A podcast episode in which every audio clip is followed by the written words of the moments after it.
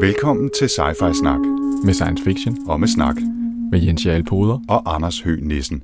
Velkommen til.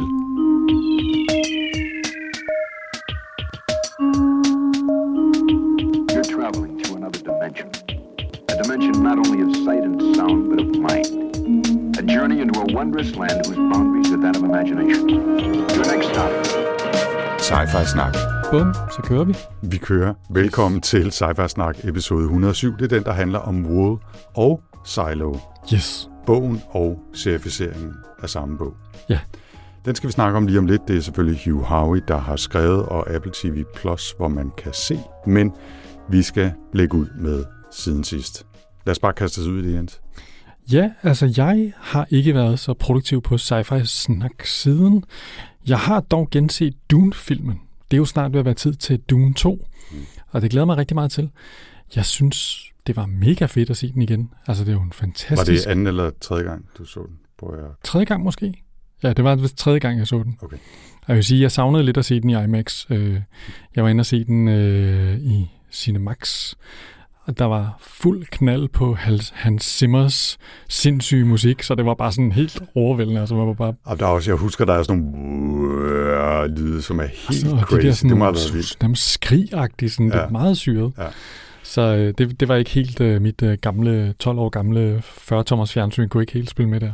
Ah, du må til at opgradere lidt. Det er, ikke, det er ikke så længe siden. Vi fik jo aldrig set den biografen, desværre. Men, Mm. men jeg synes nu også, den var pænt flot på 65-tommer OLED-skærm derhjemme. Ikke? Mm. Men genså den også faktisk her for to-tre måneder siden.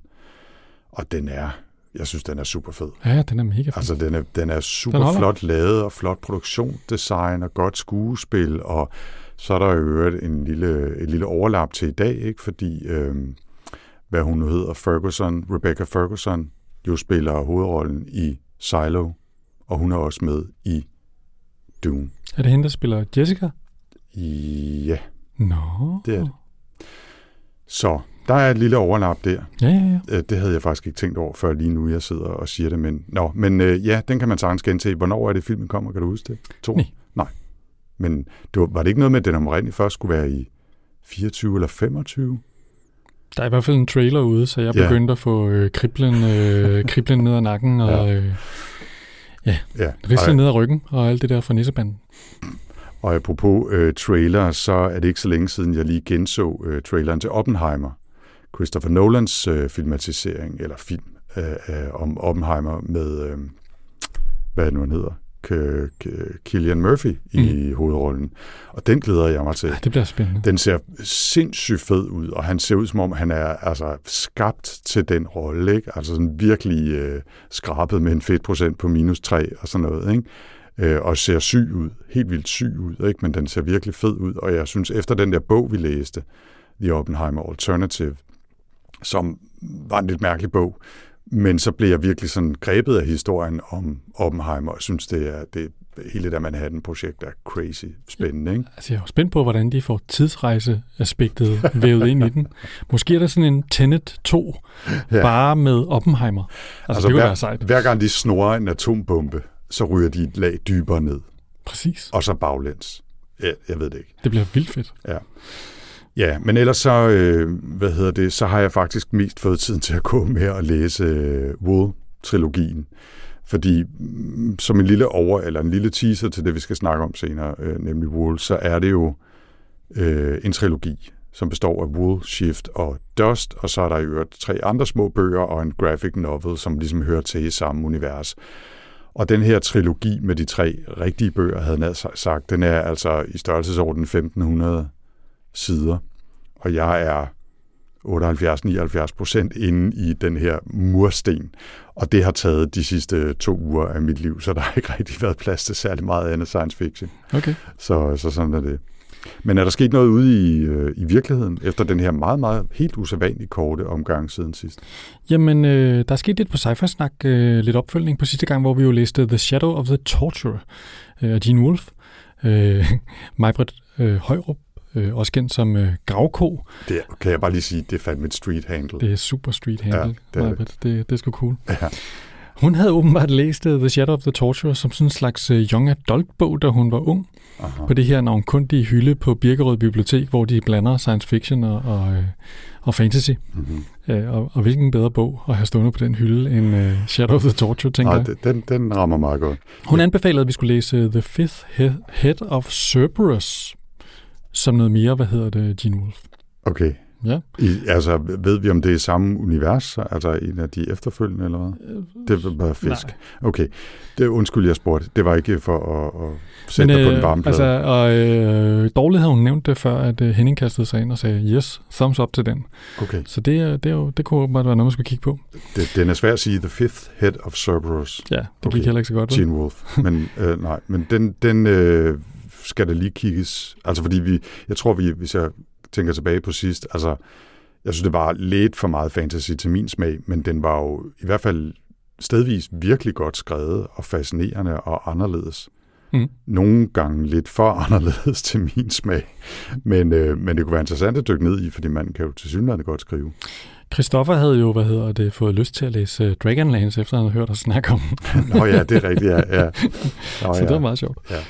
Øh, I øvrigt, øh, så, øh, og, øh, altså, hvis vi lige går øh, endnu et afsnit tilbage, så øh, snakkede vi om øh, Claus Delorans øh, rejsen til Saturn. Mm-hmm. Og der delte Henning det rygte, at øh, Christian Mongård fra Information, han er jo også sådan ret stor på at lave ting med superhelte og anmelde de der MCU-film og Og har skrevet, skrevet, skrevet på om Olsenbanden. skrevet en hel masse om sådan noget. Han er altså svanger med en øh, komplet DeLorean-biografi. Okay, Så det lyder jo altså, det Nå. lyder fedt. det lyder spændende. Ja, det kan jeg godt at se. Ja, det kan godt være, at vi lige bliver nødt til at, at i hvert fald nævne det, hvis den kommer. Mhm. Mm-hmm. Øh, Mongård, han er, han er en af de gode. Ja, Han, præcis. han skriver gode anmeldelser, han, han er godt placeret der i, det hvor jeg også selv lidt synes, jeg hører til, mellem altså ikke sådan super fin kulturel, øh, eksperimental kunstfilm, men heller ikke fuldstændig til falds for ballade og åndssvage komedier og sådan noget. Jeg synes, han ligger meget godt der i midten. Det handler om at finde anmeldere, der mener cirka det samme som en selv, som man kan vurdere ud fra deres anmeldelser. Eller også nogen, som man i hvert fald ved er et helt andet sted. Ikke? Jamen, det er rigtigt.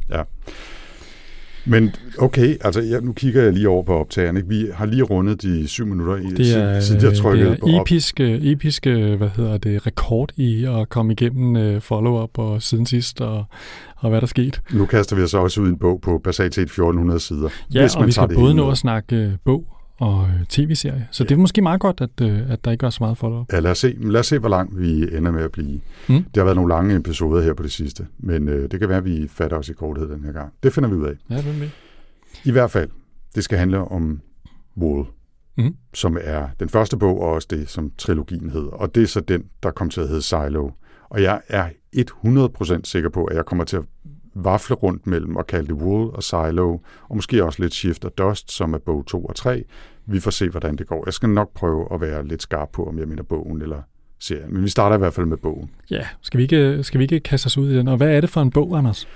Det er en bog, som jo er interessant på mange måder. For det første, fordi det er en, interess- en sjov, eller ikke sjov, men en spændende historie om en nedgravet silo med en befolkning på omkring 10.000 mennesker, som lever i sådan et lavdelt samfund. Og de ved ikke rigtig, hvor de kommer fra. De ved bare, at de, de må ikke gå udenfor, fordi verden udenfor er giftig. Mm. Og så lever de i det her samfund, og det, det er den verden, vi kommer ind i. Og det er jo virkelig high concept, så det basker, ikke? Altså, det er en ekstremt begrænset lokation. Det er et ret klart opridset øh, fremtidsdystopisk samfund, og så møder vi lynhurtigt nogle karakterer, som der sker noget ret voldsomt for. Så vi bliver simpelthen smidt lige ind i den. Mm. Øh, Og, og det handler måske også om noget af det andet interessante ved den her bog, nemlig at den er skrevet i 2011, oprindeligt som en, en novelle øh, af en forfatter, der hedder Hugh Howey, som også besluttede sig for at selvudgive. Og så efterhånden så skrev han så flere dele, fem dele til det, der så blev den første bog. Det er meget kompliceret det her. Han skrev fem dele, som blev til Wool, den første bog i trilogien, som han så senere skrev videre på med Shift og Dust. Og han selvudgav altså på, på Amazon som Kindle, og fik så senere en distributionsaftale til at, at udgive printudgaven, og så var der også meget tidligt forhandlinger om filmatiseringer noget, som så blev skrinlagt år efter, og først så her i 2020'erne er blevet til serificeringen, som øh, produceres af AMG, tror jeg, og udgives altså på Apple TV+. Mm. Og, og det er en sjov historie med ham også, øh, gravet lidt ned i hans arbejde med det, og læste et, et, et interview fra Wired Magazine fra 2012, altså sådan lige kølvandet på hans kæmpe succes som selvudgiver, og alle deres snak om det, ikke? og var det nu fremtiden, og hvad var fordelen med det, og alt sådan noget. Så ret sjov karakter. Det er jo også en bog, som har et mysterium i sin kerne. Altså det finder man ret hurtigt, eller det, det er tydeligt fra start, at der er noget, man skal finde ud af. Mm. Øh, så derfor, altså vi bliver nok også nødt til at, at give lidt en spoiler-advarsel her meget tidligt. Ja, det, det var også det, noget af det, jeg tænkte i går. Ja, det var... Altså, det, vi kommer ikke til at snakke om... Det er rigtig svært at snakke om den her bog, uden at begynde at afsløre nogle ret vigtige øh, handlingstråde og mysterier i den. Mm.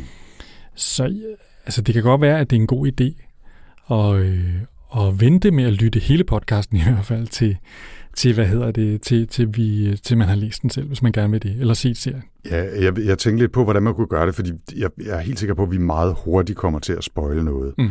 Og normalt så, så kan man godt gå i gang med at snakke om handlingen, øh, og så komme et godt stykke ind, før man begynder at spoile for alvor. Ikke? Altså, men jeg synes, der sker nogle ting relativt hurtigt, som man ikke har lyst til at få at vide på forhånd.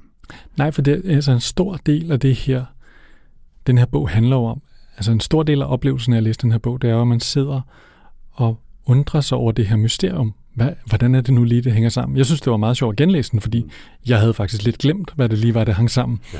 Så, så det var egentlig fint at læse den igen, og jeg var også lidt, hvordan var det nu lige, og, hmm, og hvem stod egentlig bag det? Og, ja, ja. Øhm. Jeg havde den lidt sære oplevelse, at øh, en af grundene til, at jeg overhovedet valgte den her bog, og valgte det her lidt øh, håber jeg, interessante eksperiment med at læse bogen og se serien samtidig var, at jeg faktisk gik i gang med at se første mm. afsnit af serien, før jeg besluttede mig for, at det var det her, vi skulle lave. Mm. Så jeg havde set, jeg tror, at hele, det hele det første afsnit, inden jeg så gik i gang med at læse bogen bagefter. Og så ventede jeg, til jeg havde læst hele den første bog med at se videre i serien. Men jeg havde allerede fået plantet i hovedet udseendet af siloen og hovedpersonerne, og ligesom havde fået i hvert fald de første, skal vi sige, 50-100 sider af, af bogen fra seriens første afsnit, havde jeg ligesom fået i hovedet ja. og genoplevet. Og så er der alligevel variation nok imellem til, at jeg var sådan lidt, okay, hvad var det egentlig, der skete i serien? Og jeg kunne, slet ikke, jeg kunne godt huske noget fra bogen, men ikke det hele. Mm. Så jeg var også jeg var sådan lidt rundt forvirret på øh, øh, de, første, de første sider der. Ikke? Men egentlig synes jeg, det var meget sjovt at have fået totalt overskrevet min oprindelige sådan indre billeder af siloen og karaktererne med dem fra serien. Mm. Altså på Apple TV, ikke? Det var faktisk meget fint at have de ansigter på, selvom de var anderledes end det, jeg så alligevel forestillede mig, da jeg læste videre. Det var, meget, det var sådan lidt en underlig blandet oplevelse. Det er meget sjovt, fordi jeg læste jo øh, jeg læste den hele en gang til, og så gik jeg i gang med sådan ligesom at tvangsfodre mig selv med den der serie, fordi mm. jeg får ikke set så meget fjernsyn. Mm. Så jeg måtte ligesom sådan skemalægge det. Okay.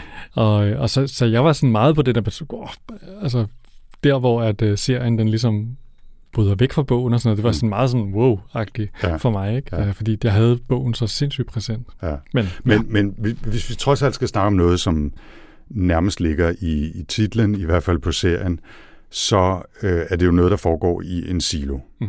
144 etager, Øh, og aller oppe øverst er der sådan fællesområde, et kafeteria med en rigtig stor skærmvæg, hvor på man kan se et live feed fra et kamera, der sidder og filmer ud på sådan et, et, øh, et dystopisk landskab med rester af nogle tårne i bagkanten, men ellers en ret begrænset horisont og bare fuldstændig dødt, dræbt, totalt gennemforurenet og ødelagt landskab. Mm. Og det er det, man kan se ud på, på den her øh, store skærm.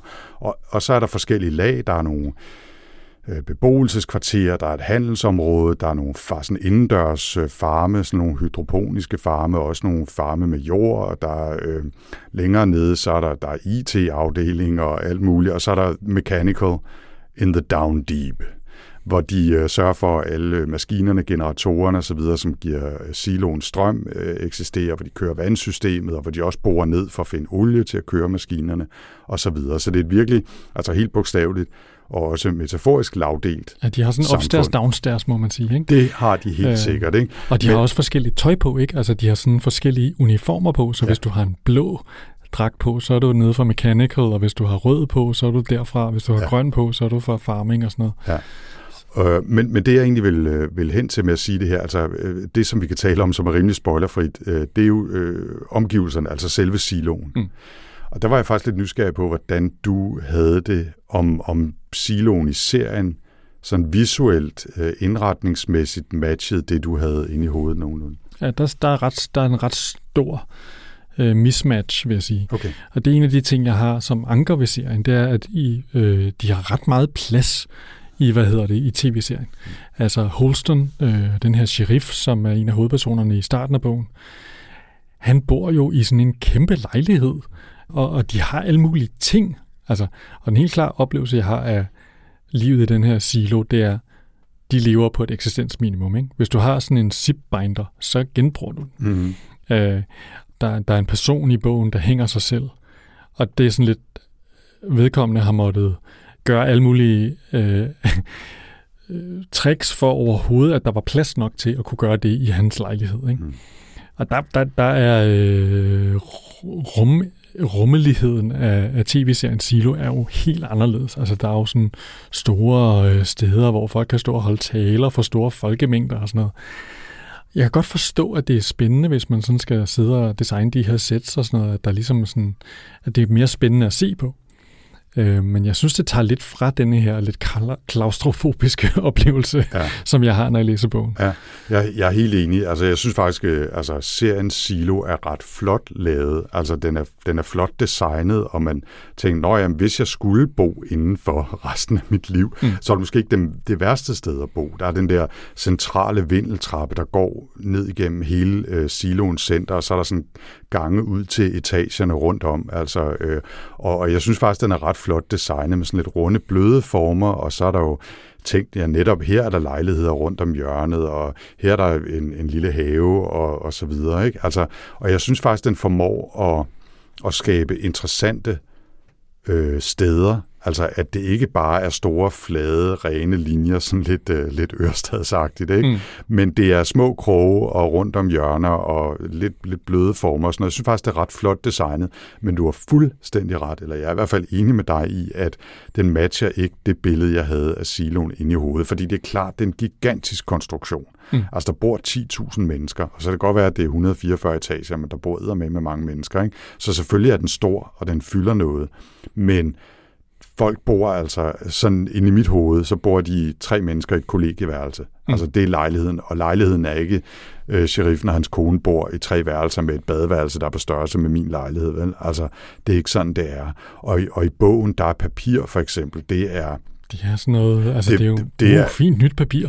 Lige præcis, ikke? Altså det er sådan, at alting skal bruges, og hvis man har fået et stykke papir, hvor der, hvor der er dobbelt linjeafstand, jamen, så bruger man det til at skrive i, i mellemrummene, og i hvert fald også på den anden side af det papir, og prøve at se, om man kan viste ud bagefter og genanvende det. Og det er ikke rigtigt det billede, man får fra serien, hvor de har billeder på væggene og øh, øh, kunst og øh, nips stående rundt omkring og sådan noget. Ja, ikke? præcis. Altså, I virkeligheden så griber han jo lidt tilbage til sådan Dr. Strangelove, ikke? Altså sådan, ligesom sådan en idé om, at altså, man går allerede i gang fra start, når man går i gang med at læse den her, og tænker, har der været en atomkrig, ikke? Altså det er jo sådan, ligesom sådan en klassisk fortælling om sådan nogle prepper, der bor i en bunker øh, og venter på, at man kan gå udenfor, ikke? Så på den måde er det et twist på en, sådan en koldkrigsfortælling i virkeligheden, som, som, øh, som nu er blevet en science fiction fortælling, ikke? Ja, og samtidig er det jo fuldstændig øh, reelt, at folk køber gamle missilsiloer og indretter dem som prepperboliger. Så de eksisterer jo de her i meget mindre målestok, men stadigvæk sådan noget 6, 7, 8, 9, 10 etager dybe siloer, som så bliver indrettet til boliger med lejligheder, hvor folk skal kunne ryge ned i tilfælde af netop atomkrig eller Mm. andre katastrofer. Ikke? Altså, så det er jo, jeg ved, jeg ved ikke, hvad der kom først. Det har nok været sådan cirka parallel udvikling, men det er jo i hvert fald reelt nok. Ikke? Jo. Men, men, øh, men en tilføjelse til det der med, hvordan den ser ud og er indrettet, det jeg havde inde i hovedet var mere et rumskib i virkeligheden. Ikke? Altså sådan et, et alien øh, fra filmen Alien øh, rumskib. Ja. Ikke? Sådan lidt, Nostromo. lidt, lige præcis Nostromo. Altså lidt tight, lidt clunky, meget mekanisk, utili, hvad hedder det, utilitaristisk. Ikke? Altså, øhm, der er det, der skal være, og man skjuler ikke noget, man gemmer ikke mekanikken, fordi det skal være nemt at reparere, og det hele skal, skal kunne noget. Det skal bruges, og alting skal bruges, og alting skal genanvendes. Ikke? Mm. Så med, øh, ikke nødvendigvis øh, på den måde en kritik af production design i serien, men det matcher ikke rigtigt det, der bliver beskrevet heller mm. i bogen. Og det kan der så være en masse gode grunde til, at man har valgt at give det lidt mere plads for at gøre det lidt mere spændende visuelt. Ikke? Øh, Og så kan man så jo- sige, at, at noget af det, som også er, altså en ting er det her setting, og så er der jo ligesom sådan kulturen, der ligesom er opstået i den her silo, det her samfund, der er opstået. Og det kan man måske også godt lige krasse lidt i, før vi, øh, øh, før vi, øh, vi tænder for spoilerhornet sådan for alvor. Øh, fordi vi starter i romanen med, at, øh, at der er nogen, der bliver sendt ud for at rense, som det hedder. Og det er jo sådan, den største synd, man kan begå øh, i siloen, det er, at man vil udenfor. Fordi at, øh, ja, sådan er det bare. Det, det er sådan, det bliver præsenteret for en. Ikke? Mm. Øh, og når man så vil gerne vil udenfor, ja, så hvad hedder, eller når, hvis man er blevet dømt for et eller andet øh, frygteligt, jamen så kan man blive dømt til at komme ud og være cleaner. Øh, og det er altså fordi de her øh, sensorer, der sidder udenfor og giver et billede af verden, de sander langsomt til. Og så lang, langsomt, mens de ligesom sander til og bliver mere og mere smusset, så stiger så stiger presset ligesom i siloen, ikke? og folk bliver mere og mere sådan... Så det der med at få renset det der udsyn ud på den jo sindssygt triste verden, de kigger ud på, det er sådan et helt centralt ritual, som når det sker, så er der også totalt drukfest i flere dage, og folk de kommer op ned fra dybet for at komme op i kantinen op top og kigge ud af det her øh, nye, nypussede vindue. Ikke?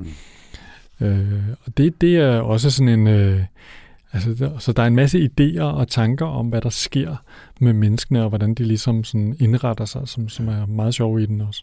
Og, og det, er jo, det er jo helt centralt. Det er også noget af det allerførste, vi møder i bogen, så det kan vi måske godt spoile en lille smule. Det er præcis, at, at der er en, der bliver sendt ud for at kline, altså rense det her kamera, som sidder øh, oppe i toppen af siloen og lige titter ud af jorden og sender et billede ned til storskærmen i kafeteriet.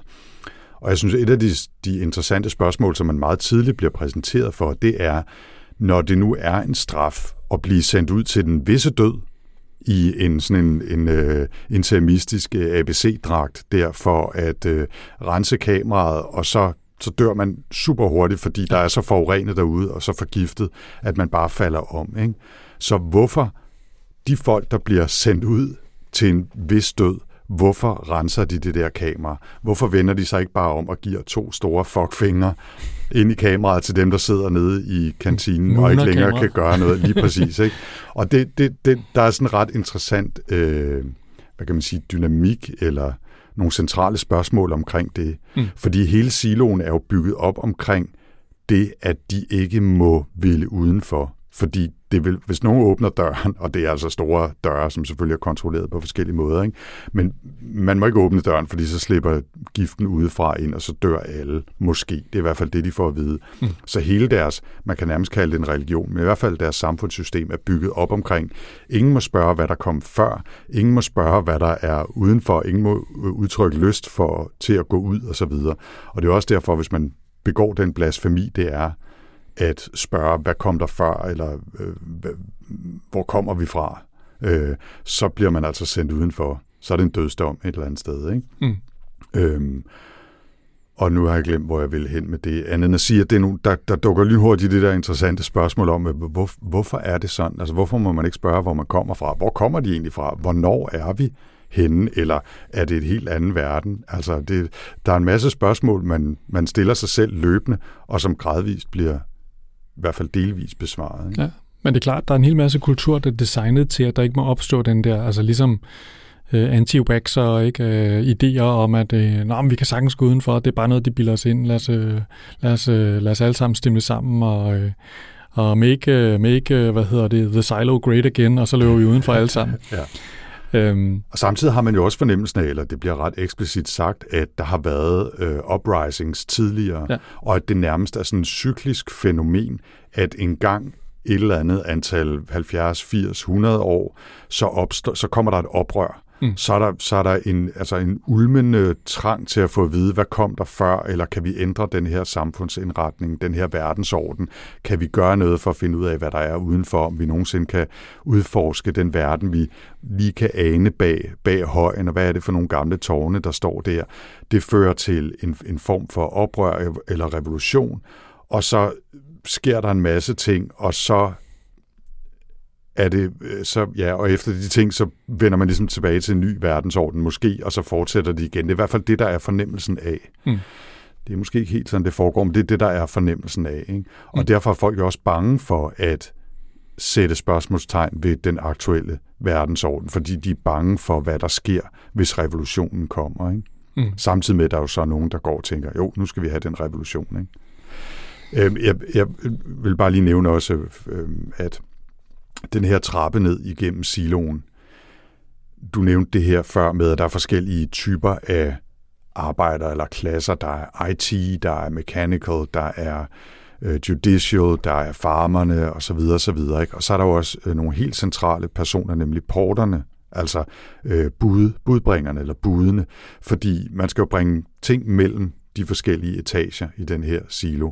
Ja, der, der er ikke nogen mad... elevator, skal man måske lige nævne. Det er der nemlig ikke. Der er en, den her vindeltrappe, ikke? og den er jo øh, hovedpulsåren i hele den her silo. Ikke? Og de her budbringere, som transporterer varer op og beskeder og øh, alt muligt andet, nogle gange mennesker eller døde, øh, de er jo også en central, øh, hvad kan man sige, de er blodet i den her hoved, hovedpulsår på mange måder. Ikke? Mm. Altså dem, der bringer information frem og tilbage. Men det er jo altid sådan lidt, Nå, men så er der nogen, der siger noget til nogen, som siger noget videre til nogle andre. Ikke? Så man har også indtryk af, at, at øh, informationsflowet øh, mellem mechanical helt nede i bunden og kafeteriet op top og så videre er nok, ikke øh, optimalt, vel? Nej, det er det overhovedet ikke, fordi ja. der er jo ikke sådan noget med, at de kan ikke lige ringe til hinanden, eller altså det er øh, sherifferne og sådan noget, de har nogle radioer, men ellers er der jo ikke sådan rigtig kommunikations systemer, der er sådan særlig velfungerende. Nej, og papir er, er pokkers øh, sparsomt, ikke? så man, mm. man udgiver heller ikke en, øh, en siloavis vel, øh, med alle de vigtigste nyheder hele tiden, som bliver transporteret op og ned af de her bude. Mm. Øh, det synes jeg også er et, et, et sjovt aspekt af det. Mm. Ja, men altså spørgsmålet om vi skal, skal sige, okay, nu er det altså spoiler. Ja. Øh, nu er det sidste, øh, sidste chance for at slukke podcasten, ja, hvis du godt vil være øh, på en eller anden måde have set denne her serie eller læst den her bog med friske øjne. Ja, her kommer hornet. Uh, yes, sir. Tak. Øhm, og spørgsmålet er, om vi ikke bare skal kaste os ud i at tage vores highlights, og så sådan øh, tage det sådan lidt hen ad vejen. Fordi jeg tænker for eksempel mit første ja, ja, highlight. Det er ret tidligt, så lad os starte med det. Ja, fordi øh, en af de centrale karakterer, det er jo Holston, som han er i hvert fald central i starten af bogen. Mm. Han dør nemlig meget tidligt. Han kommer nemlig ud af en af dem, der kommer ud på cleaning. Øh, og der oplever vi jo sammen med Holston, hvad det er, der sker. Og der oplever vi det set indenfra. Mm. Øh, og øh, det, der viser sig, er jo, at øh, når han kommer ud, så ser han noget helt andet, end der er på skærmen. Øh, I kantinen. Han ser pludselig en verden, hvor at øh, ud igennem sit visir, så ser han en, øh, en verden med træer og ting, der flyver på himlen, for han ved jo ikke, hvad det er. Han, han ved slet ikke, hvad en fugl er, eller en busk er. Eller, eller en sky. Eller en, ja. en vipstjert. En, ja. altså, ikke, ja. han går ikke sådan fuld Paul Reichardt, vel, fordi han forstår, ja. for han forstår slet ikke, hvad der er, der sker. Ja. Øhm, og det, der så sker, det er jo egentlig ret aktuelt, ikke? fordi at, uh, han har jo virkelig sådan en slags Vision Pro uh, augmented reality device på hovedet, det han manipuleres til at se, det er, at han tror, at verden er blevet bedre. Og det er jo sådan set sket, fordi hans kone Allison har siddet og undersøgt og fundet nogle gamle øh, dokumenter på en måde, hvor hun kan genskabe nogle harddiske og sådan noget. Hun har så troet, at det her software, der blev brugt til at manipulere og lave billeder om, det var det software, der blev brugt til, at kantinen komme til at se dårlig ud. Ja, altså billedet i kantinen viser en, en verden, der er forurenet og ja. for, forgiftet og ødelagt. Men i virkeligheden er den grøn derude. Ja. Hun har bare misforstået det. Det er nemlig lige omvendt. Ja, at når de her cleaner kommer ud, så bliver de bildt ind, at verden er god. Og det er derfor, de bliver så glade og hopper rundt, og så cleaner de, fordi de gerne vil vise folk, at, at det er godt, de skal komme ud, og alting er godt, og så går der jo fem sekunder, og så falder de døde omkuld. Ja, så begynder deres dragter at, at forvidre, og, og giften slipper ligesom ind, og deres øh, skærme går halvvejs i stykker, og så falder de om og dør. Ikke? Ja. Og det, det er jo det er en frygtelig scene, ikke? netop fordi Alison Holstons øh, kone øh, er gået ud tidligere, og, og ligger jo stadigvæk derude. Man kan se hendes døde krop. Eller Ja, den det er jo en af de dragt. hyggelige ting ved den der kantineudsigt, det er, at man kan se alle cleanerne, der ligger døde derude omkring. Ja, præcis. Og han går så ud og får så kæmpet op og falder om lige ved hende, ikke? Mm. så de bliver genforenet i døden, og det er jo også altså, det er jo smukt og tragisk og, og alt muligt andet, ikke? men, øh, men øh, en, en flot scene, synes jeg i virkeligheden, ikke? At, at Holsten kæmper sig frem Mm. til Allison, der ligger derude. Så ret tidligt i bogen, der finder vi ud af, at der er noget, der er noget på færre. Mm. Der er nogen, der, der, er nogen, der, der snyder øh, på vægten her. Ikke? Ja, der er Øh. det her blå, som er den danske titel, tror jeg, ikke? Altså Jo. noget med, øh, og det er jo også derfor, at uh, wool kommer på, på engelsk, der, to pull the wool over somebody's eyes, ikke? Altså at snyde dem Ja. på en eller anden måde, ikke? Og stikker dem blå i øjnene på dansk. Øh, og det er det, man gør her, næsten bogstaveligt talt, ikke? Præcis. Øhm, ja. Min første scene er med øh, vores rigtige hovedperson, kan jeg næsten sige, ikke? Juliette Nichols, Ja. som er nede fra Mechanical. Og hun er sådan en, som er, hendes far er faktisk øh, cheflæge på fødestuen deroppe, men hun er blevet mechanical. Men hun har altså hovedet skruet ordentligt på. Og hun, øh, hun kan sin mekanik dernede. Det er nærmest hende, der, der holder generatoren og boremaskinerne og det hele kørende. Der er ekstremt meget respekt omkring hende, ikke? fordi hun ja. bare hun, øh, hun har det, der skal til for ligesom at, at være fuldstændig committed på at få ting til at fungere. Ja. Og sådan en person er der kæmpe respekt om nede i Mechanical. Ikke? Altså folk, der kan noget, det er virkelig... Også fordi de ved, at det er hjertet. Generatoren er hjertet i siloen. Hvis de ikke har noget strøm, så er de fucked. Så bliver der bare bælragende mørkt. Så kan de ikke lave noget mad, de kan ikke kommunikere, de kan ikke øh, gå på toilettet, de kan ikke noget som helst. Ja, ja, og samtidig så er de jo sådan nærmest sådan lidt ringeagtet af resten af siloen, ikke? Så de har den der oplevelse af, at det er fandme os, der holder det hele oppe, ikke? Ja. Og, Apropos øh, Nostromo, altså så er det, øh, så er det de to øh, Ja, ja, ja, mekanikere præcis. der, ikke, som sådan, at de slår lidt på nogle rør og siger, at det kommer til at tage 14 timer at reparere det her, selvom de kan reparere det på en halv, ikke? fordi de skal, de skal vide op i toppen, at vi har greb fast om klodserne på dem. Ikke? Jo, der er det måske lidt noget andet her, ikke? At de, de, der er en... Øh, der er sådan en der er sådan noget arbejderklasse øh, romantik over de her folk down, Ja, deep down, ikke? Nå, men den, den scene, jeg egentlig, øh, og det er egentlig bare en lille scene, men det var en, hvor jeg blev sådan lidt, lidt glad ind i maven, fordi jeg kan godt lide den slags, når folk bare virkelig kan deres shit, ikke? Mm. det er, at generatoren nede i bunden, den skal jo hele tiden vedligeholdes, og den larmer af helvede til, fordi det store driv, øh, hvad hedder det, drivaksel er lidt ude af synk. Så alle er bare nødt til hele tiden at have høreværn på, når de går ind og ud af generatorhallen, fordi det larmer af helvede til. Den maskine, den trænger virkelig til en, øh, et tjek. Og så Altså, lykkes det Julia... Risikoen er jo, at den bryder helt sammen, og Ja. så har man ikke strøm andet end nødgeneratoren, der kun kan lave absolut minimum Lige strøm. præcis, ikke? Så lykkes det Juliet, det er en længere historie, det lykkes hende at få overtalt dem til at tage sådan en power holiday, eller hvad det er, de kalder det, ikke? hvor de virkelig skruer ned på netop ba- backup-generatoren et stykke tid for at kunne reparere øh, drivakslen i den store generator. Og så er der bare sådan en fantastisk scene, hvor de har brugt, de har arbejdet altså øh, to døgn i træk, uden så meget som at, at spise eller drikke, for at få repareret den her så hurtigt som muligt, så det kan komme i gang igen. Og så skal Julia trykke på startmotoren for at starte den store generator. Og så står hun og trykker på den, og hun tænker bare, der sker ikke noget. Hvad fanden har jeg gjort galt nu? Nu slår de mig ihjel, ikke? Og så er en, der kommer løbende ind og råber, stop, stop, stop. Og hun tænker, åh oh, nej, det er fordi, ja, det hele er ved at eksplodere derude. Fordi hun kan ikke høre noget. Mm. Og så viser det sig, at det er fordi, hun har alignet den der generator så helt perfekt, at den nærmest ikke siger noget, og de kan nu gå ind i generatorrummet uden høreværn Ja, på. og de har jo aldrig nogensinde, Så- de, har aldrig, slet de, har altid, de har altid været vant til, at den har kørt af helvede til, ikke? Præcis. Og så lige pludselig så spinner den bare som en mis. Fordi at Juliet bare kan sit kram. Ikke? Ja. Og jeg, altså, det er jo en lille fjollet scene, som selvfølgelig etablerer den, at hun kan sit shit. Så på den måde er det en vigtig scene. Ikke? Også, Ja, at, den er at der også, er respekt øh, omkring hende. Ikke? Men, men, men det er en lille scene, jeg elsker bare sådan noget, ikke? når folk kan deres lort. Og men den er også med til at lave sådan, etablere sådan en, øh, en grundkonflikt, der handler om, konflikten mellem, altså Juliette Nichols, hun er jo pissesur på IT, som bruger 40% af strømmen. Mm. til det der computerhalløj, de går og laver. Nogle store som server, som, som ingen hvad ved, hvor fanden er der Hvad, noget, hvad gør ikke? det egentlig? Ikke? Ja. Altså, Ja. øhm, og, øh, og, øh, og hun synes, de bruger alt for mange ressourcer deroppe og sådan noget, og de kan ikke få de ressourcer, de gerne vil have. Og en af problemerne med, øh, en af, hvad hedder det, kritikken af Juliette Nichols, som, som jo øh, skal være sheriff ifølge borgmesteren, det er jo, at hun har, øh, hun har taget sådan nogle friheder med, og hvad hedder det, få nogle, øh, som hun ser det, nødvendige ressourcer, øh, hvad hedder det, fjernet fra IT og over til dem, ikke? Mm. Så de er på kant, og, øh, og, og der er slet ikke nogen som helst form. Altså, øh, 30 etager op, der er ingen respekt for det, de laver overhovedet. Altså, det er bare sådan, altså, who cares, hvad de laver? Altså, selvom... De skal bare få det til at virke. Ja, Øh, apropos det med at bruge ressourcer og sådan noget, så tror jeg også, det, det er dit, øh, dit andet nedslag handler om. ja men, og det er jo lidt, øh, det var lidt, øh, jeg var lidt allerede inde i det, da vi snakkede om øh, Silo-serien, ikke? Altså, øh, på et tidspunkt, der øh, er Juliette Nichols, hun er blevet øh, sheriff, og hun øh, har begyndt at rode lidt i nogle af de her data, der var omkring øh, Holston, den tidligere sheriff, og begyndt at prøve at finde lidt ud af, hvad fanden var det egentlig, der var omkring hans sag.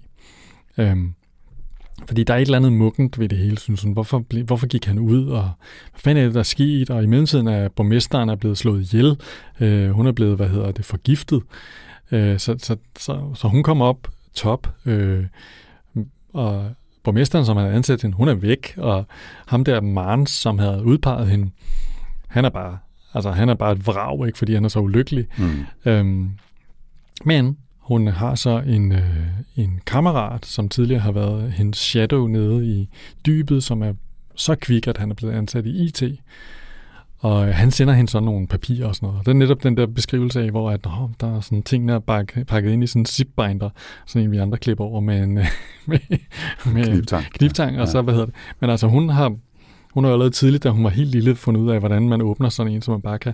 Og hun er også sådan typen, hun har fået sit eget øh, mekaniske ur til at fungere igen. Ikke? Så det er lidt det samme, det der med, at hun kan bare ting. Ikke? Ja. Ja, men hun genbruger ting. Altså hun er virkelig en, der smider noget som helst væk, hvis det kan bruges på nogen som helst måde. Det er den eth- ethos, hun lever efter. Ikke? Ja, ja, og det, og det er jo den generelle ethos i, i siloen i det hele Mm, taget, ikke? Altså, øh, så altså, det- viser virkelig, hvor den eksist, altså det er jo en måde for forfatterens side at vise, hvilket eksistensminimum de lever på. Ikke? Ja, ja.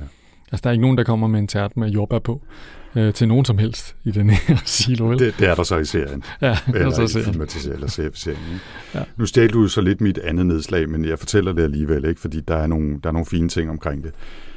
Der er øverst oppe i altså hierarkiet, øh, der er der en borgmester, the mayor. I, I tilfældet her, der er det Mayor Jans, øh, en, en ældre kvinde, som har været borgmester der i, i flere årtier. Mm. Og øh, hun beslutter sig så for, at da Holston, vores sheriff, er gået ud for at gøre rent og er død, så skal der jo en ny sheriff til. Og, og, og hendes øh, vice-sheriffen, Marnes, har tidligere, det er en længere historie, været nede og møde Juliette Nichols, og tænker, hun kunne måske være et godt bud til en ny sheriff, for hun kan sit shit, og hun er en, man kan stole på. Så borgmester Jans og Marns, Jans og Marns, de beslutter sig for at gå hele vejen ned gennem siloen, for at besøge Juliet Nichols og ligesom tage hende i øjensyn og, og spørge, om hun vil være sheriff, eller bede hende om at være sheriff. Og også for, at øh, der skal sikkert snart en ny borgmester til, så hun vil gerne ligesom have en sidste tur ned gennem siloen og hilse lidt på folk og ligesom vise sig, for det er længe siden, hun har taget den der tur. Det er jo, det er jo langt at gå. Det er ikke bare 144 etager, det er Altså, de er ret høje, de der etager, Ja. ja. så man, man har indtryk af, at det nærmest svarer til 300 etager eller noget af den stil. Ikke? Jo.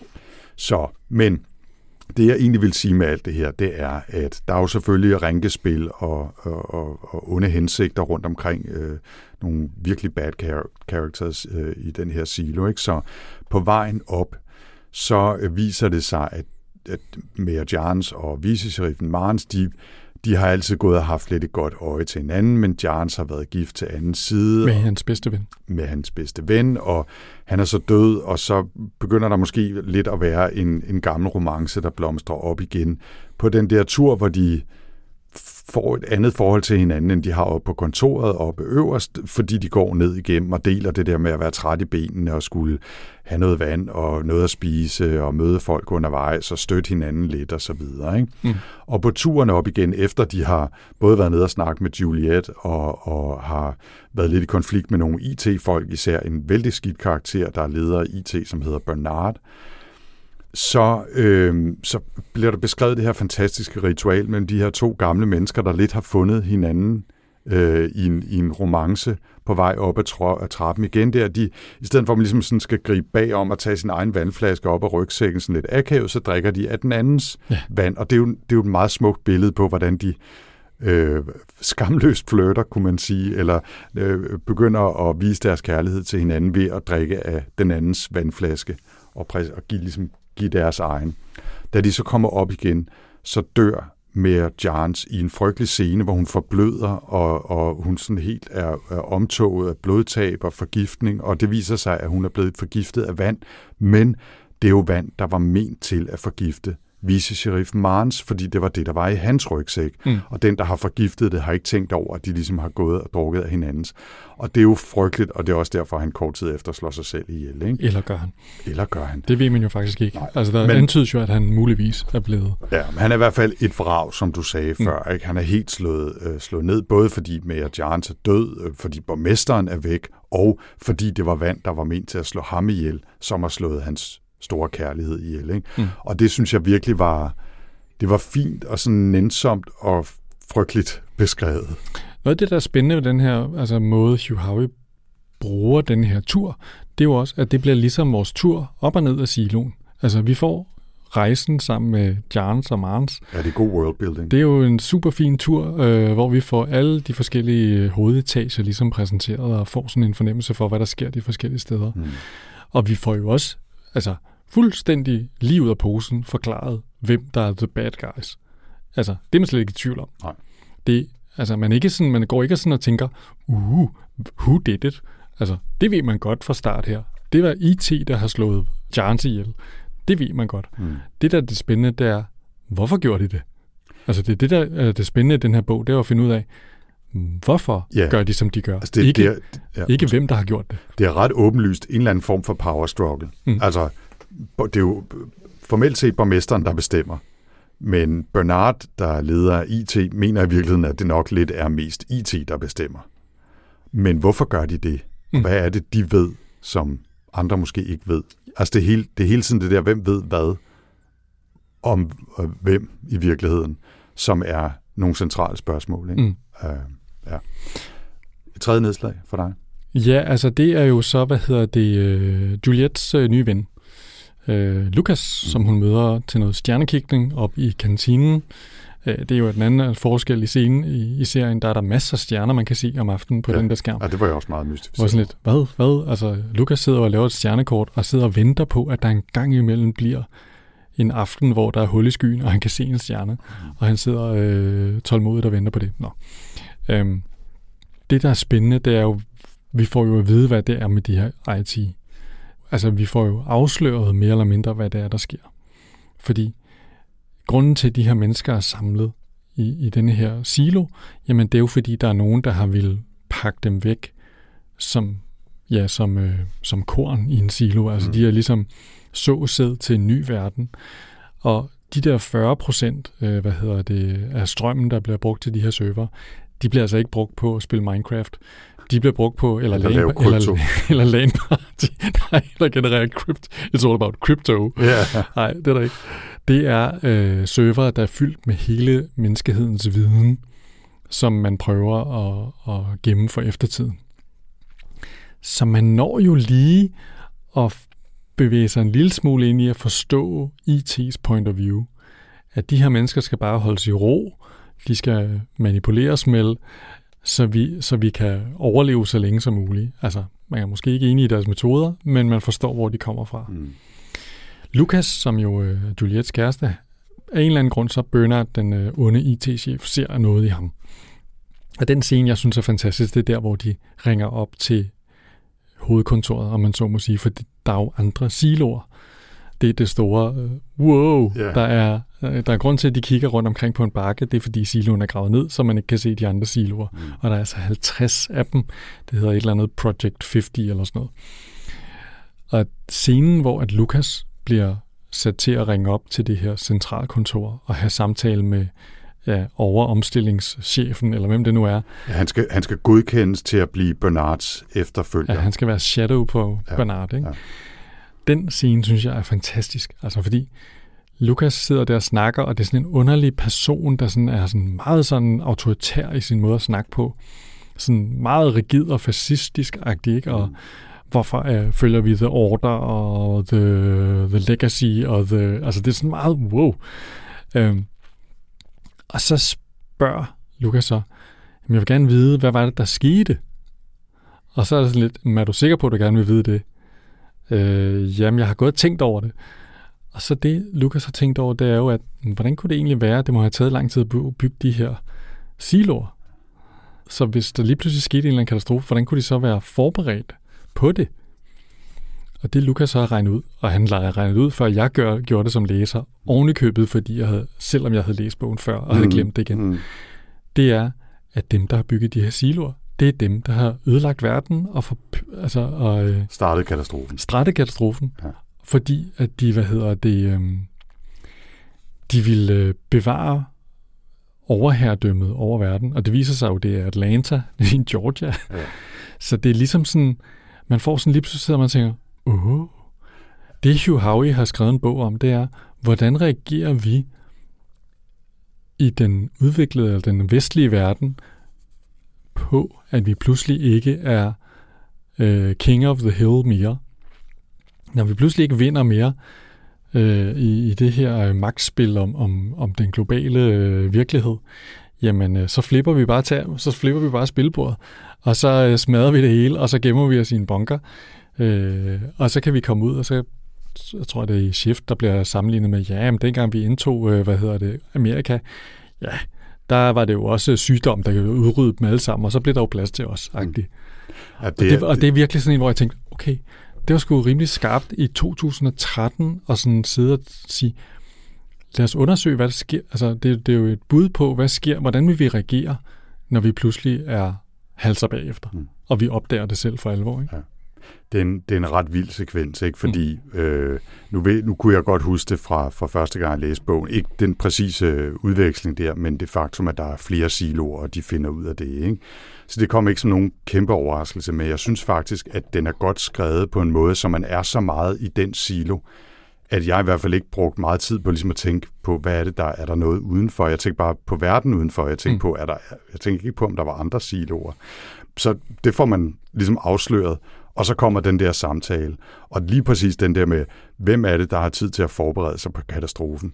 Det er dem, der starter den. Mm. Altså, hvem har tid på, til at forberede sig på krigen? Det er dem, der starter krigen. Mm. Altså, det var virkelig sådan, hold nu kæft, ikke? Man får virkelig sådan to afsløringer serveret, nærmest som sådan lusinger der, relativt øh, tæt på hinanden. Og, og man er jo i den situation, hvor at Bernard der, der har gået fra at være skurken, han er jo så lidt, jamen altså, de er jo nogle psykopater, altså jeg ved ikke for fanden, men altså, vi skal, vi skal jo have det til at fungere alligevel. Det er jo den hånd, vi er blevet spillet, Ja. ikke?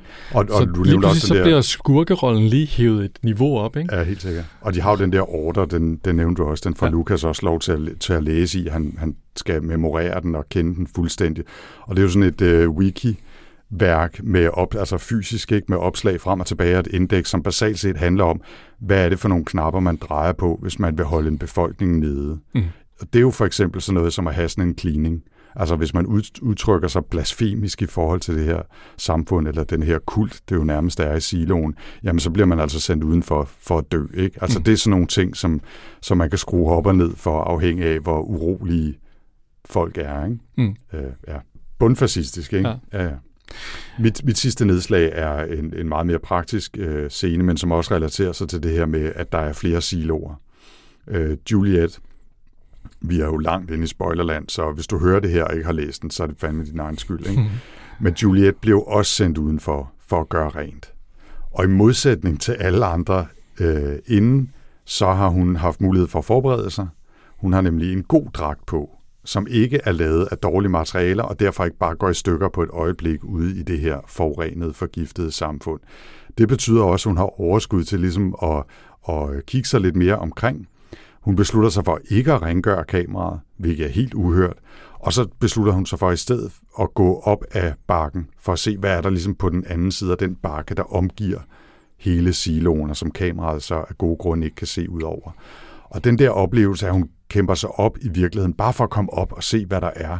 Og så opdager hun, at den fordybning, hun nu står og kigger ned i, hvor hendes silo er nede i bunden af, altså eller lige kameraerne stikker op af som sådan nogle små øh, periskoper, den er bare en af 50 andre fordybninger. Mm. Og hun vælter ligesom ned i den næste og opdager, hov, der er en silo, og hun er sådan helt forvirret og tænker, er jeg kommet til at dreje mig om? Altså, er det, hvad, der, hvad sker der her? Så opdager hun, der er to, og altså kan se rundt omkring hende, at der er op til 50 siloer. Det er ligesom den der scene, hvor Neo vågner op, og så kigger man ud og ser man bare alle de mennesker, der ligger der som sådan nogle batterier. ja, det er faktisk, det er faktisk ikke, helt, øh, det er ikke helt galt. Mm. Og det synes bare, det er en fantastisk scene, ikke? for man er meget med hende i den der sådan, hvad, hvad i alverden er det, der sker? Og hele hendes verden har jo været den der silo, og lige pludselig så er der 50 af dem. Ja.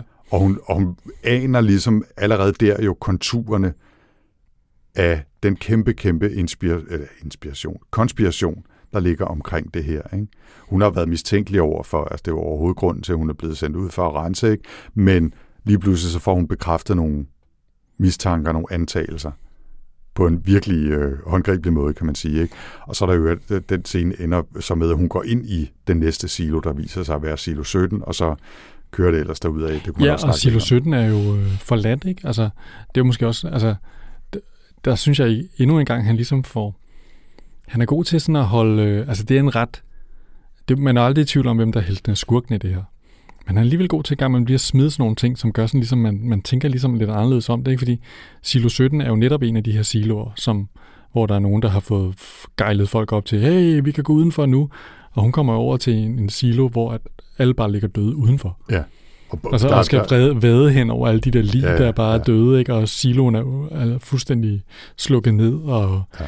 Og, og, og senere, jeg kan faktisk ikke huske, om det er senere i Wool, eller om det første er i Shift, der, der vil man opleve et, øh, sådan en oversigt med 50 cirkler, der repræsenterer de 50 siloer, og så er der et stort rødt kryds over silo 17, fordi det var et af de fejlslagene. Men det er, det er Lukas, øh, den ser han i øh, allerede i Wool. Ja, det gør Der snakker ja, det er faktisk, øh, i, i, hvad hedder det, øh, interviewet der med øh, ham der headmasteren, som man ikke ved, hvem er, den der mm. øh, his master's voice. der, der, siger han, øh, der siger han nemlig det der med, ved du hvad det værste der Det er at sidde her og slå et kryds over en silo. Mm. Og der er sådan et kort, han kigger på, hvor der netop er et rødt kryds over. Silo 17. Ja. ja. Hvad skal sige Ja, øh, jeg, nu er det selvfølgelig lykkedes os at tale langt alligevel, ikke? Øh, så jeg synes ikke, vi skal bruge crazy meget tid på Shift og Dust. Det var ikke en del af den oprindelige opgave at nå at læse dem eller øh, have dem med den her snak, fordi det vil føre alt for vidt. Øh, jeg vil bare sige, at jeg synes, de absolut er værd at tage med. Mm. Altså, det bliver langt at tage det hele i et hug, vil jeg sige. Det synes jeg. Altså, det bliver lidt meget øh, det samme. Men jeg synes, man får nogle spændende takes på det, og man får forklaret nogle begivenheder set fra andre menneskers perspektiv. Man får forhistorien, man får en parallel historie, og man får også lidt af, hvad der sker efter øh, Juliet så er kommet over i, i silo 17, og hvad sker der derefter. Ikke? Så jeg synes absolut, øh, det er værd at læse videre, men øh, man skal heller ikke høre noget herfra, hvis man vælger at tage et par bøger imellem øh, de tre bøger i trilogien. Mm. Men serien, ja, den skulle serien. vi jo se. Det var en del af pensum. Det var en del af pensum, og den har vi allerede vendt lidt. Mm. Men øh, har du sådan et par, et par tanker om den? Jeg håber ikke, det er noget, vi skal bruge øh, 45 flere minutter på, men altså, hvad er dit, hvad er dit take på det? Altså, jeg er 100% gladere for bogen, end jeg er for serien. Mm. Jeg synes, den er flot, men den er flot på den der sådan, hey, en serie, hvor de har lavet en masse visuelle halvøj måde. Altså, jeg ved ikke, hvordan man gør det ellers, men, men det er jo en svær... Altså, når man skal have en roman over en serie, så bliver man jo nødt til at tage den dialog, der er inde i hovedet på folk, og så skal man have det ud på en eller anden måde i noget handling, man kan filme og optage. Øh, og det, det prøver de jo at gøre på forskellige måder ved ligesom at opfinde nogle nye karakterer og opfinde nogle nye ting, der sker, for ligesom at, at få, få den her indre monolog ud i noget ydre handling. Så der bliver broderet lidt på, og det er, jeg, jeg synes ikke, det er for eksempel hele det her juridiske afdeling, der bliver en ting, som sådan en slags øh, ekstra Big Brother afdeling. Den, det, det, øh, altså, den er jeg ikke en fan af. jeg synes også, de hælder over i det der med, at det skal være spændende, hvad mysteriet er. Jeg synes egentlig, det var fedt, at det ikke var spændende, hvem, hvem der er de skurkene, men at altså det virker som om, de godt kunne tænke sig at lave et twist fra, at det er juridisk afdeling, som meget bliver sat op som skurke, og så, wow, det er Bernhard, mm. Tim Robbins nede fra IT, som er skurken.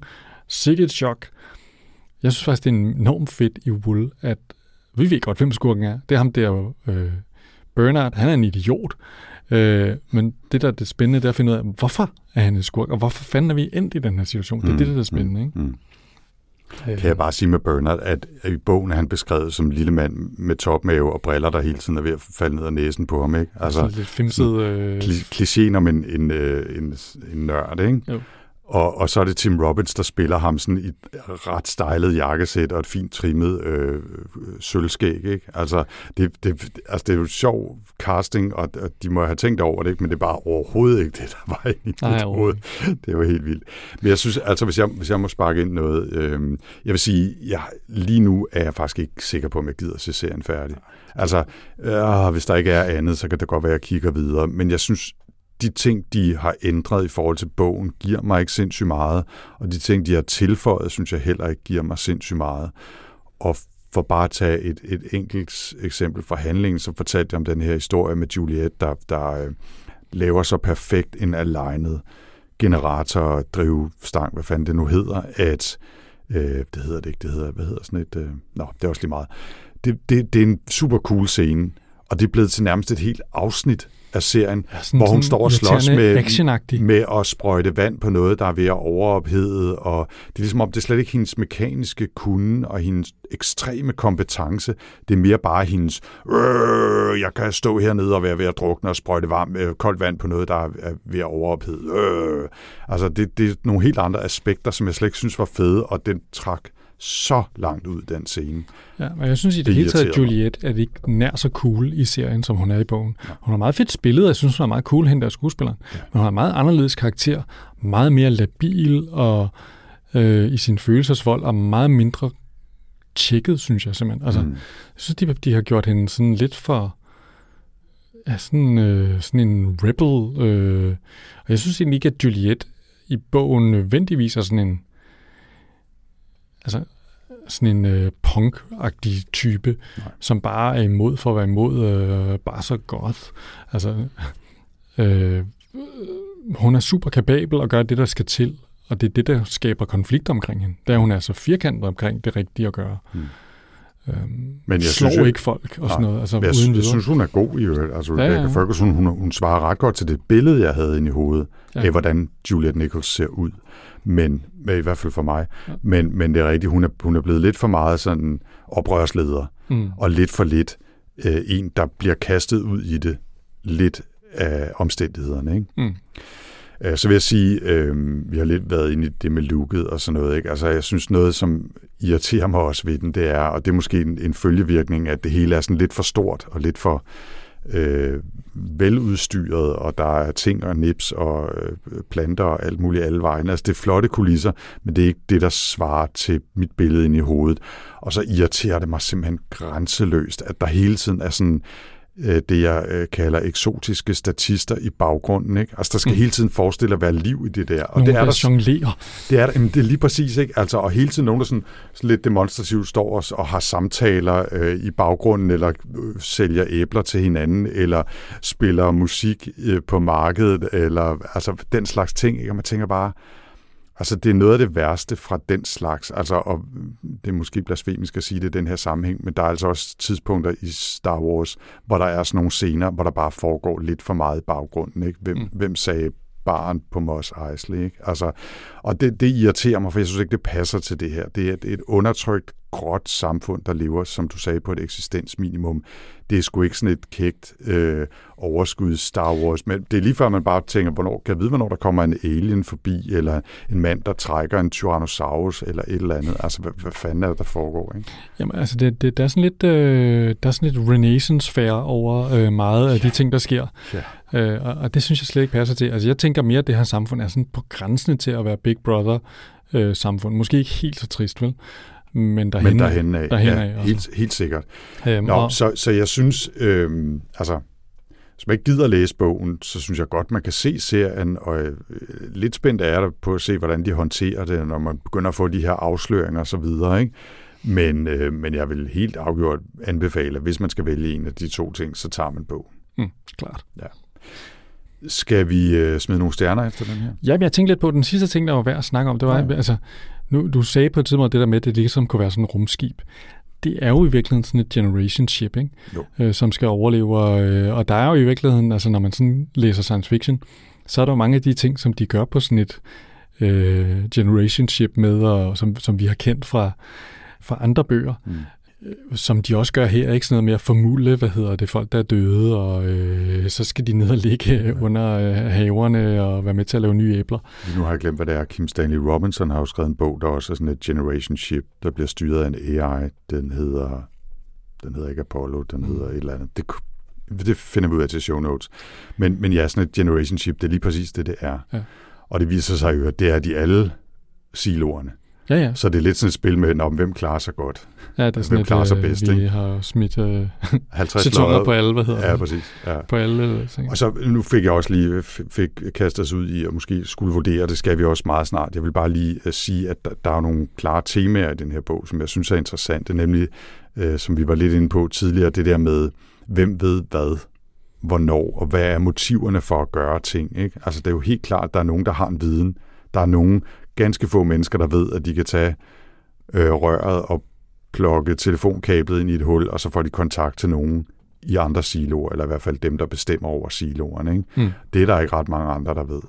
Der er også nogle temaer om det der med, det er så især i de senere bøger, ikke? altså hvad er man parat til at gøre? Altså er man parat til at basalt set skabe et globalt ragnarok for at få retten til selv at være dem, der måske kan leve videre på den anden side. Når, altså, ekstremt dårlig taber, ikke? Altså. Ja, det må man godt nok sige. Mm. Og så synes jeg også et meget vigtigt element af det her, som vi også allerede har været lidt ind på, det er det der med det stratificerede samfund. Ikke? Altså det er helt bogstaveligt og også metaforisk et lavdelt kaste- og klasse samfund. Mm. Og det bliver også udforsket på mange forskellige måder, altså forholdet mellem de forskellige netop kaster eller klasser øh, i, i den her silo, synes jeg er interessant. Ikke? Og det synes jeg faktisk, han får mange fine ting ud af, uden sådan at overgøre det.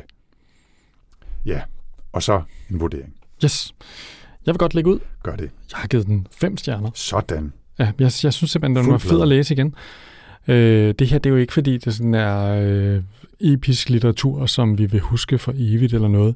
Altså, den er ikke sådan oppe på, men jeg synes simpelthen bare, at den gør alt det, som fed science fiction gør for mig. Altså, den her setting, han har lavet, den er sgu ret fedt fundet på, synes jeg. Altså at tage det her generation ship og proppe det ned i jorden, øh, det synes jeg er spændende. Og, og koble de, han, det er ligesom et mashup mellem nogle forskellige ting, sådan noget koldkrigstematikker og noget generation ship og noget. Det synes jeg er ret fedt lavet, ikke? Og, og samtidig med, altså jeg får et smil om munden, hver gang jeg sidder og læser, fordi jeg i baggrund kan høre Dr. Strangelove mm. råbe, My future, I can walk! øhm, Altså det, det er jo i virkeligheden det, som øh, altså, han har taget det der, der handler om til sidst i Dr. Strangelove, om at nu bliver det mine power, som bliver det, der kommer til at være den nye dagsorden. Mm. Det, får han, øh, det får han skabt en fascinerende setting, synes jeg. Ja. Jeg glæder mig meget til at komme videre i shift, øh, komme over den der hurdle, man tit har med en ny bog, hvor man ikke rigtig helt er kommet i gang med den endnu. Det, det her ligesom er, er nogle mennesker, som har sagt, okay, vi er ved at tabe vores samfund af, af dem, der bliver de store tabere i den globale kamp om ressourcerne nu laver vi et, øh, et dramatisk sats, ja. må man sige. Ikke? Ja, altså vi kan måske godt øh, spoile lidt mere, mens vi er i gang at sige, at Shift starter med at følge arkitekten bag siloerne. Ja. Altså ham, som fysisk har designet det. Ikke ham, som der har planlagt det, men ham, som er blevet sat til at klare opgaven med at designe en silo til 10.000 mennesker mm. ned i jorden. Ikke? Og der går faktisk et stykke tid, før han opdager, at den skal ned i jorden. Øhm, men det, det, er, det er interessant. Mm. Ja, fem, så, fem stjerner. Ja, ja, altså jeg synes simpelthen, jeg synes, at der er nogle... Altså, det er jo ikke nogen sådan specielt fantastiske, varierede karakterer, øh, som er... Men, men jeg synes, de kan noget, som... som øh, de spiller en god rolle i historien, og, øh, og det kan godt være, at de ikke er sådan er... Altså, det er ikke ligesom at læse øh, Clara and the Sun, eller, altså, det, det er slet ikke på den måde, vel? Mm. Overhovedet. Altså, der er ikke den dybde i dem men det er slet ikke den historie, vi fortæller her. Det er den store historie øh, om, om, om det her silosamfund, og der, der er de her karakter. Jeg synes alligevel, det er nogle gode øh, arketyper, som, som, som, som er spændende og har deres egen små twist. Mm. Så, ja. Hvad, hvad vil du give serien, hvis du... Nu har du set fire afsnit. Øh, hvad, hvad skal den have så? Øh, tre måske. Ja. Altså, også, jeg tror, det, det er, det er sådan der, jeg, en mellemting, ikke? Altså, jeg synes... Jeg, godt, jeg, jeg kommer altså, ikke til at se den færdig, det er helt nej, sikkert. Det jeg, jeg, jeg bruger måske lidt mere tid på at se serien, du gør, ja. åbenbart. Øh, men øh, et sted mellem 3 og 4. Altså, jeg, ved, jeg ved Søren Bjørn, som jeg lige nåede at tale... Øh, hej Søren øh, tale med kort om serien øh, på kontoret forleden. Han, han synes faktisk, den er ret fin. Og, og jeg synes absolut, man, man godt kan gå i gang med den. Og specielt hvis man ved, at man ikke har tænkt sig at læse bogen, så synes jeg helt klart, at man skal kaste sig ud i og prøve at se, om det er noget for en.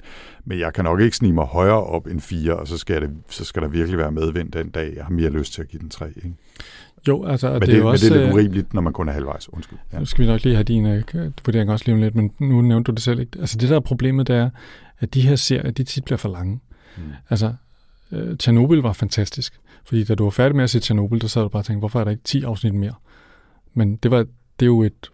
Det er at stoppe og sørge for, at det er så tight, at du er bare sulten efter at få mere. Ikke? Ja. Og det er man overhovedet ikke, når man ser Silo. Der sidder man bare og tænker, oh, nu bliver nu færdig med den fucking generator, altså. Nå, skal du nu derned? Og, altså, det er sådan noget stafage, der er blevet prøvet på, som, som puster tingene op og gør, at det bliver for langt. Det var jo også derfor, jeg stoppede tre afsnit ind i den sidste sæson af Succession. Mm. Jeg, havde, jeg synes, det er en fed serie og spændende karakter. Jeg havde det bare slet, okay, I fortæller den samme historie en gang til. Altså, det er de samme goddamn konflikter og samtaler hele tiden. Altså ikke bare fra afsnit til afsnit, men også de sidste tre sæsoner. Nu gider jeg ikke mere. Mm. Jeg behøver ikke vide, hvordan det her slutter. Altså, det er jeg fuldstændig ligeglad nu. Nå, min vurdering af den her, den er landet på fire stjerner. Ja. Og det er i virkeligheden, jeg har præcis de samme tanker om den, som du har. Jeg tror bare, det trækker en stjerne fra for mig, at karaktererne bliver lidt arketyper, lidt, lidt flade. Man har ikke rigtig fornemmelsen af det indre liv i dem her. Det er lidt svært sådan at forstå dem. De bliver lidt karikeret næsten nogle gange, ikke? og det er helt klart mere plottet og den store historie, der driver det her. Og der begynder jeg også at tænke, holder den her 600 sider, eller hvor meget Wool er den første bog. Ikke? Og lige nu sidder jeg også og tænker, ja, okay, trilogien kunne godt have været 1000 sider i stedet for 1500 sider. Ikke? Altså, det, der, der er tidspunkter, hvor man sagtens føler, at man sådan kan læse lidt hurtigt hen over, hvad der sker, fordi så meget sker der egentlig ikke, og i øvrigt er det sket fem gange før. Ikke? Mm og, det, og det, det er fint skrevet. Altså, det er, heller, der, der er, det er virkelig ikke stor litteratur, det her. Vel? Men det er funktionelt, og det, det påkalder sig ikke uheldig opmærksomhed, sproget. Altså, det er, meget, det er meget, meget fint skrevet, og der er faktisk øh, et, der var faktisk et par kapitler, hvor jeg sad og tænkte, det her, det er decideret poetisk skrevet og ja. smukt skrevet. Og det, vi er henne i shift, hvor, hvor han for alvor begynder at vise, at han faktisk godt kan skrive os, altså Hugh Harvey, på mm. en anden måde, end han har gjort. Fordi det er meget sådan funktionelt skrevet. Altså han fortæller historien. Der er ikke så meget med altså, øh, ekvilibristisk øh, Nej, nej, det er sådan lidt uh, Isaac asimov på en eller anden måde. Ja, altså. det, er meget, det er meget tight øh, og fint på den måde, ikke? men der er øh, lille tangent, ikke? men øh, Juliet kommer over i Silo 17 og møder Solo, som er måske den eneste tilbageværende i Silo 17, som ikke er død. Han er sådan en slags Robinson Crusoe i Lige Silo præcis. 17. Nå, men, men ham vender man tilbage til senere for at fortælle hans historie fra, da han var teenager, og hvordan han endte med at blive den. Nå, nu sidder jeg og spoiler noget for spoiler, du? Okay. Nå, jeg vil bare sige, der er nogle kapitler med ham, hvor man følger hans, jeg kan ikke huske, hvor meget det er, 30 år eller sådan noget, alene i den der silo, inden Juliet kommer og møder ham. Og der er altså nogle scener der med ham og en kat, han får som ven, som var helt fantastisk smukke. Ja. Altså virkelig fint skrevet og flot fortalt, og altså hvor man virkelig får den der knugende fornemmelse af, hvordan det må være at være øh, bange for sit liv, samtidig med, at man render rundt og prøver at skrabe mad sammen og finde et toilet, der ikke allerede er fyldt op med, med ens eget lort i en øh, mørklagt silo på 144 etager, og man ved i øvrigt ikke en skid om, hvad fanden der foregår. Ikke? Øh, det, det, var, det var ret flot skrevet, men ellers er den meget funktionelt skrevet, og det fungerer, men den mister altså hos mig den, den femte stjerne. Præcis af de samme årsager, eller ikke af de samme årsager, men af de årsager, som du også ja, men det er nævner. også det er en arbejdssejr, den sidste stjerne for, okay, det er godt. for Hugh Howey. Det er ikke fordi, jeg tænker, at den nødvendigvis er op på det helt store alter sammen med 1984 og Dune og sådan noget. Det er den slet ikke. Men det er en Men moderne jeg synes, klassiker. den var røvfed. Ja, jeg synes, det er en moderne, det... moderne klassiker ikke? i sådan øh, altså lidt Asimov-stilen. ikke? Altså, Jo, god historie. Ja. simpelthen. Ikke? fedt lavet, og jeg synes, det er original historie også. Det synes jeg, altså, hvor mange historier har vi ikke læst, der minder lidt om hinanden. Jeg har ikke læst noget som helst, der minder om det her. Mm. Og det synes jeg er ret positivt. Vi er ikke helt nået op på 144 etageminutter her, men øh, vi nærmer os. For ikke at, at komme helt derhen, Jens, øh, så er det dig, der skal vælge til næste gang. Hvad skal vi læse? Ja, nu skal jeg Episode vælge 100. den bog, jeg har haft stående på min uh, to-read-liste på Goodreads næst længst. Okay. Ja, det er sådan, jeg gør det, når jeg skal finde noget, jeg ikke lige har, umiddelbart har noget. Så kigger jeg på min uh, to-read-liste, og øh, vi har allerede læst The Time Traveler's Wife, tror jeg den hed, som var min bog nummer et, jeg nogensinde markerede som to-read. Så nu når vi til bog nummer to, jeg nogensinde nåede på min to-read.